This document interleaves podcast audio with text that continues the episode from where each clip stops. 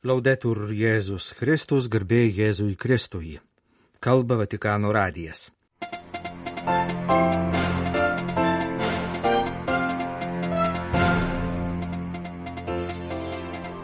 Popiežius priėmė Argentinos ir Tanzanijos prezidentus.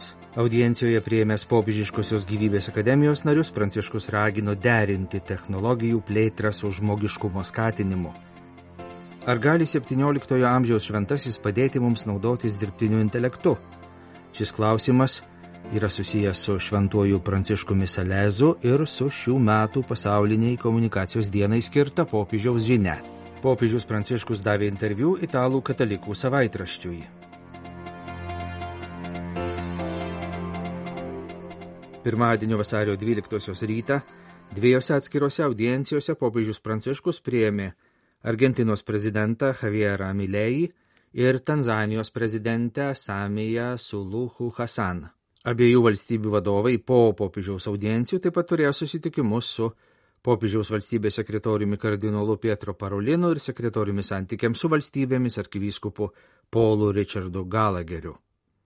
Po Argentinos prezidento susitikimų su popiežiumi ir valstybės sekretoriato vadovais paskelbtame oficialiame komunikate informuojama, kad per nuoširdžius pokalbius buvo pasidžiaugta gerais Šventojo sostų ir Argentinos Respublikos santykiais ir išreikštas noras juos toliau stiprinti. Kalbėta apie naujosios vyriausybės programą skirtą kovai su ekonominė krize, taip pat apie dabartinius karus ir įsipareigojimą siekti taikos tarp tautų. Po Tanzanijos prezidentės vizito Vatikane paskelbtas komunikatas informuoja, kad išreiškus pasitenkinimą gerais Šventojo sosto ir Tanzanijos santykiais buvo primintas katalikų bažnyčios vaidmuo siekiant šalies gyventojų gerovės, ypač labdaros švietimo ir sveikatos apsaugos rytise. Buvo aptartos ir temos susijusios su Tanzanijos socialiniu kontekstu ir iššūkiais, su kuriais šalis susiduria – taip pat pasikeista nuomonėmis apie padėtį regione ir tarptautinės aktualijas, bei palinkėta dar labiau įsipareigoti skatinti taiką.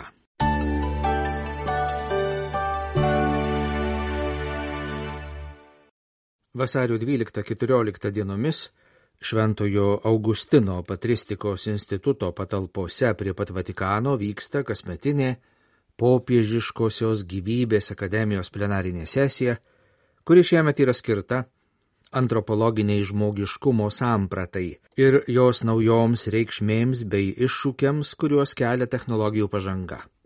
Pirmadienio rytą su akademikai susitiko popiežius Pranciškus. Po popiežiaus audiencijos buvo surinkta spaudos konferencija, per kurią buvo pristatyta šiemetinės plenarinės sesijos programa. Questione che affrontate in questa assemblea generale è della massima importanza quella cioè di come si possa comprendere ciò che qualifica l'essere umano.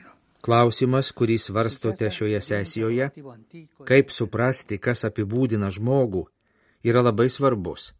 Tai senas ir vis naujas klausimas, kuris dėl stulbinančių naujųjų technologijų pasiekimų tampa dar sudėtingesnis. Kreipėsi popiežius į akademikus. Iš mokslo istorijos ir žmogaus patirties žinome, kad neįmanoma visiškai atskirti to, kas yra natūraliai žmogiška ir to, kas yra technologijų pažangos rezultatas. Ir šiandien negalima griežtai atskirti natūralių ir dirbtinių procesų, tik pirmuosius laikant autentiškai žmogiškais, o antruosius svetimais ar net prieštaraujančiais tam, kas žmogiška. Veikiau reikia mokslinį ir technologinį pažinimą įrašyti į platesnį prasmės horizontą – kad tai būtų apsisaugota nuo technokratinės hegemonijos. Consideriamo ad esempio il tentativo di riprodurre l'essere umano con i mezzi e la logica della tecnica. Kaip pavyzdį popiežius paminėjo įsitikinimą, kad vien technologijų ir logikos priemonėmis bus įmanoma sukurti žmogų. Toks požiūris reiškia, kad žmogus yra suvokiamas tik kaip funkcijų visuma, kurią galima atkurti, naudojant visų rūšių informaciją atkartojančius skaitmeninius kodus. Kaipgi nepastebėti šio užmojo panašumo su Biblijos pasakojimu apie Babelio bokštą, sakė Pranciškus. Manantieji, kad troškimas turėti vieną bendrą kalbą, yra nuo seno įrašytas į žmonijos istoriją, Dievo įsikišimą aiškina kaip bausmę. Tačiau iš tiesų, sugriaudamas bokštą, Dievas neleido įsigalioti vienai kalbai ir vienodam mąstymui. Žmonės buvo sugražinti į tikrovę, kad suvoktų savo ribotumą ir pažeidžiamumą. Buvo paraginti gerbti skirtingumą ir rūpintis vieni kitais. Certo, le crescenti capacità della scienza e della tecnica conducono gli esseri umani a sentirsi protagonista di un atto creatore. Be abejo, pripažino popiežius, didėjantys mokslo ir technologijos gebėjimai savaime skatina žmonės jaustis kūrėjais, kuriančiais pagal savo paveikslą ir panašumą. Žmogaus sukurti kūriniai jau tam tikrais bruožais, pavyzdžiui, kalbos gebėjimais yra panašus į savo kūrėją tik ar žmogus gali į negyvąją materiją įkvėpti dvasę. Tai pasak popiežiaus klastinga pagunda. Ir todėl būtina rimtai mąstyti, kaip atsakingai naudotis žmogui suteiktų kūrybiškumu.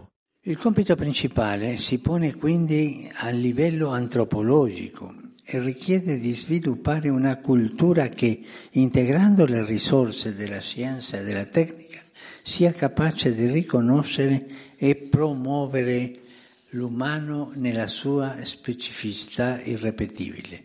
Pagrindinis antropologinio lygmens uždavinys - kurti kultūrą, kuri, integruodama mokslo ir technologijų gebas, pripažintų ir skatintų nepakartojamą žmogaus savitumą. Popiežius sakė, kad šiam svarstymų ir išvalgos procesui būtina tarpdisciplininė prieiga, įvairių sričių specialistų dialogas ir mainai. Tokiame bendravime ir bendradarbiavime popiežius mato ir sinodinį veikimo būdą, kuris pasižymi reiklumu, atidumu, o kartu ir dvasios laisvę, atvirumu, pasiryžimu žengti dar neištirtais keliais. E questo atteggiamento aperto e responsabile, docile allo spirito, il quale come il vento... Būtent tokio atviro ir atsakingo požiūrio, klusnaus dvasiai, kuri, kaip ir vėjas, nežinai iš kur ateina ir kur link nueina. Pranciškus linkėjo ir savo kasmetinę sesiją pradėjusiems popiežiškosios gyvybės akademijos nariams. Grazie. Pasibaigus popiežiaus audiencijai, pirmadienį Vatikano spaudos salėje vyko popiežiškosios gyvybės akademijos šiemetinės plenarinės sesijos programos pristatymas. Vatikane akredituotiems žurnalistams iki trečiadienio vakaro vyksiančių debatų tematiką pristatė akademijos prezidentas arkivyskupas Vincenzo Palija ir trys akademikai. Vienas jų, britas fizikas ir matematikas, profesorius Jimas Al-Khalili, kalbėjo apie šiandien plačiai diskutuojamą dirbtinį intelektą. Visi šie įrankiai palengvina mūsų gyvenimą ir mes taip greitai prie jų priprantame, kad pamirštame, kaip buvo be jų ir ne vienas iš šių įrankių nepadarė mūsų mažiau žmogiškais. Jie daug ką pakeitė ir reikia pripažinti ne visada į gerąją pusę, bet nepakeitė mūsų esmės, to, ką reiškia būti žmogumi, kalbėjo profesorius. Ką tai reiškia mums žmonėms? Profesorius sutiko, kad sparčiai tobulėjant dirbtiniam intelektui kyla daug iššūkių ir galbūt net egzistencinių grėsmių. Žmonija turėtų būti pasirengusi dienai, kai mašinos išvystys tikrąjį intelektą ir savimonę. Lygiai taip pat reikia būti pasirengusiems sulaukti dienos, kai galbūt bus atrasta gyvybė už žemės ribų. Nei viena, nei kita neturėtų sukelti žmonėms tapatybės krizės. Tačiau ar kada nors dirbtinis intelektas sugebės mąstyti ar jausti kaip žmogus? Pasak Brito profesorius, greičiausiai ne. Tai, kas daro mus žmonėmis, yra daugiau nei nervų jungtys mūsų smegenyse – Tai daugiau nei mūsų intelektas, intuicija ar kūrybiškumas, kuriuos vieną dieną tikriausiai sugebės atkartoti dirbtinis intelektas. Tai, kas mus daro išskirtinai žmonėmis, yra mūsų elgesys ir mūsų sąveika su aplinka, mūsų tarpusavio santykiai sudėtingose kolektyvinėse struktūrose ir visuomenėse, mūsų bendra kultūra ir įsitikinimai, mūsų istorija, mūsų prisiminimai.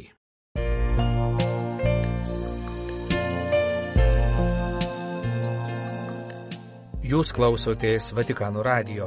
Tęsėme žinių laidą lietuvių kalba.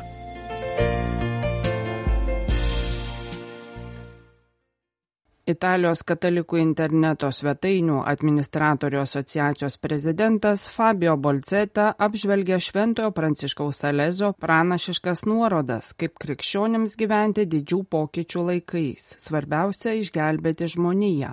Šventasis Pranciškus Salezas yra žurnalistų ir rašytojų globėjas, bet taip pat globoja kurčnebilius, kurie jį prisimena su ypatingu atsidavimu. Šventasis gimęs 1567 metais garsėjo savo klusnumu ir dvasiniu palikimu, kurį galima apibendrinti fraze viskas priklauso meiliai, o jo bendravimo stilius buvo ypatingas, jis gebėjo pasiekti kiekvieną širdį. Kaip praėjus keturiems šimtmečiams nežiūrėti jo rašytas misionieriškas skrajutes ar Evangelijos plakatus, kuriais jis bandė pasiekti net tolimiausius žmonės, Tai buvo jo išvalgos, kurias pamokslaudamas derindavo su tradicinėmis priemonėmis. Čia Fabio Bolzeta išskiria pirmąjį dalyką. Šventajam Pranciškui Saverui buvo svarbu ne pakeisti jau egzistuojančius dalykus, bet ieškoti ir įdėkti naujas priemonės, kurios papildytų įprastas komunikavimo formas, jų neišstumdamos. Šiais laikais iš tiesų gyvename skaitmeninėje aplinkoje, kuri taip pat suteikia naujų galimybių pastoracijai, nenorėdama pakeisti, bet palaikydama gyvų susitikimų grožį. Sausio pirmą dieną minėjome pasaulinę taikos dieną skirtą temai dirbtinis intelektas ir taika. Pagal tą pačią kryptį, gegužės 21 dieną, pasaulinė socialinių komunikacijų dienos tema bus dirbtinis intelektas ir širdies išmintis, siekiant visapusiškai žmogiško komunikavimo. Tad galima sakyti, kad 2024 m. akcentas skirtas dirbtiniam intelektui. Tai patvirtina subrandintas institucijų - vyriausybinių, valstybinių, tarptautinių, taip pat bažnytinių, kelias, kuriuo einama siekiant atkreipti dėmesį į šią temą. Nuo jungtinių tautų remiamo komiteto iki Italijos vyriausybės, kuri šiais metais pirmininkaudama didžiojo septyneto šalims įsteigė komisiją, taip skirdama dėmesį dirbtiniam intelektui. Iššūkiai, su kuriais susiduria informacijos ir komunikacijos pasaulis, kur Šventojo Pranciškaus Salezo pavyzdys gali būti įkvėpimo šaltinis, kaip prašė šis vyskupas ir bažnyčios mokytojas viename iš savo laiškų. Pasaulis tampa toks subtilus, kad netrukus nebeišdrysime jo liesti be aksominių pirštinaičių ir gydyti jo žaizdų kitaip nei svagūnų kompresais. Tačiau ar tai svarbu, jei žmonės bus išgydyti ir galiausiai išgelbėti?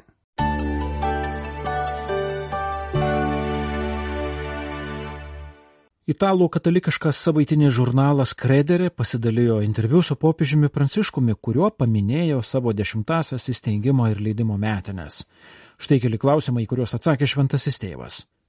2025-aisiais visa bažnyčia minėjo šventuosius metus, kas ketvirtį amžiaus minima jubiliejų. Kokia dabar popiežiaus paskelbtų maldos metų prasmė? Paprašiau, kad sustiprintume maldą ir pasirenktume gerai išgyventi jubiliejų, kuris yra malonės įvykis. Turime iš naujo atrasti asmeninės maldos vertę ir poreikį bažnyčios bei pasaulio gyvenime. Viešpats mums liepia melstis. Melskitės, melskitės, prašykite ir jums bus duota. Nepamirškime to, nepamirškime belstis į duris, sakė popiežius.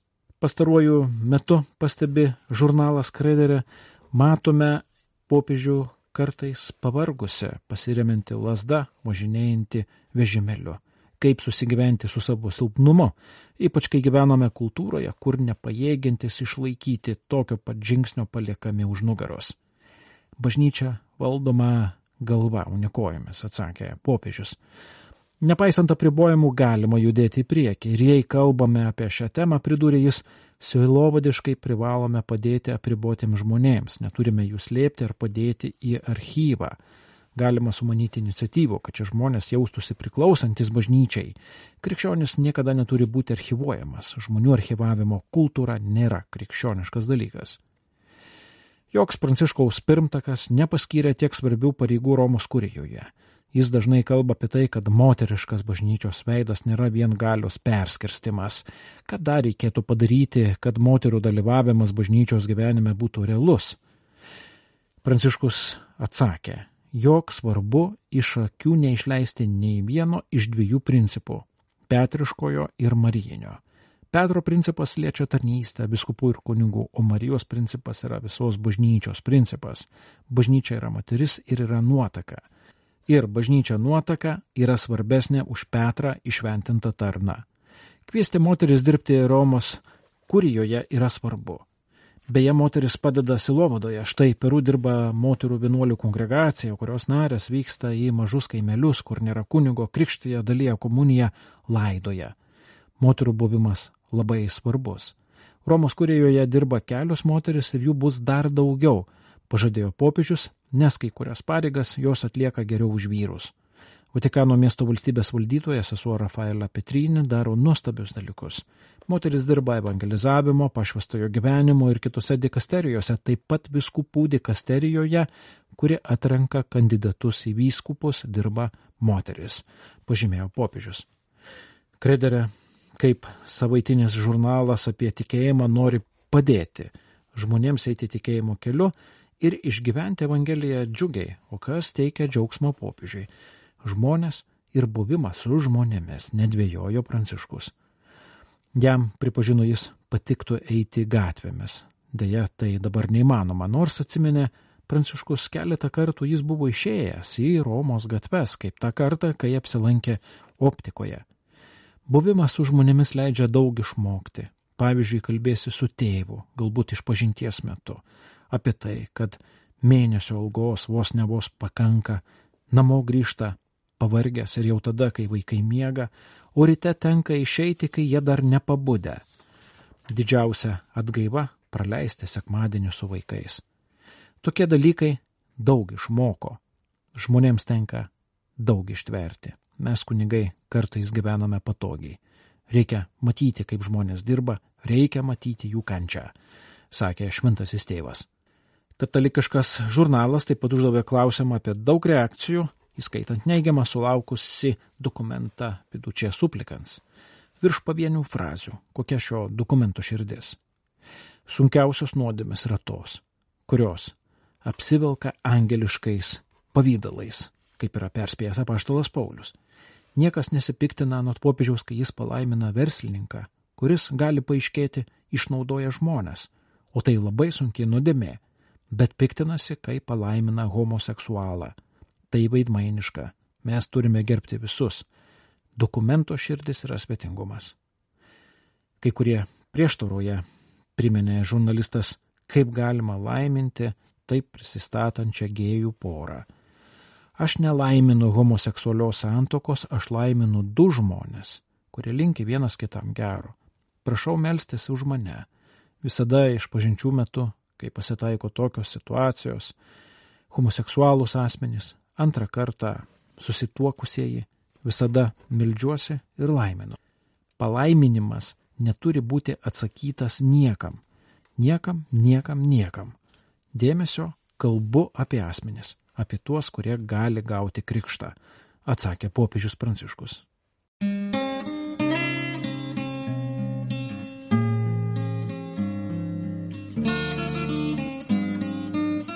Kalba Vatikano radijas. Laidą lietuvių kalba baigėme. Garbėjai Jėzui Kristui, laudetur Jėzus Kristus.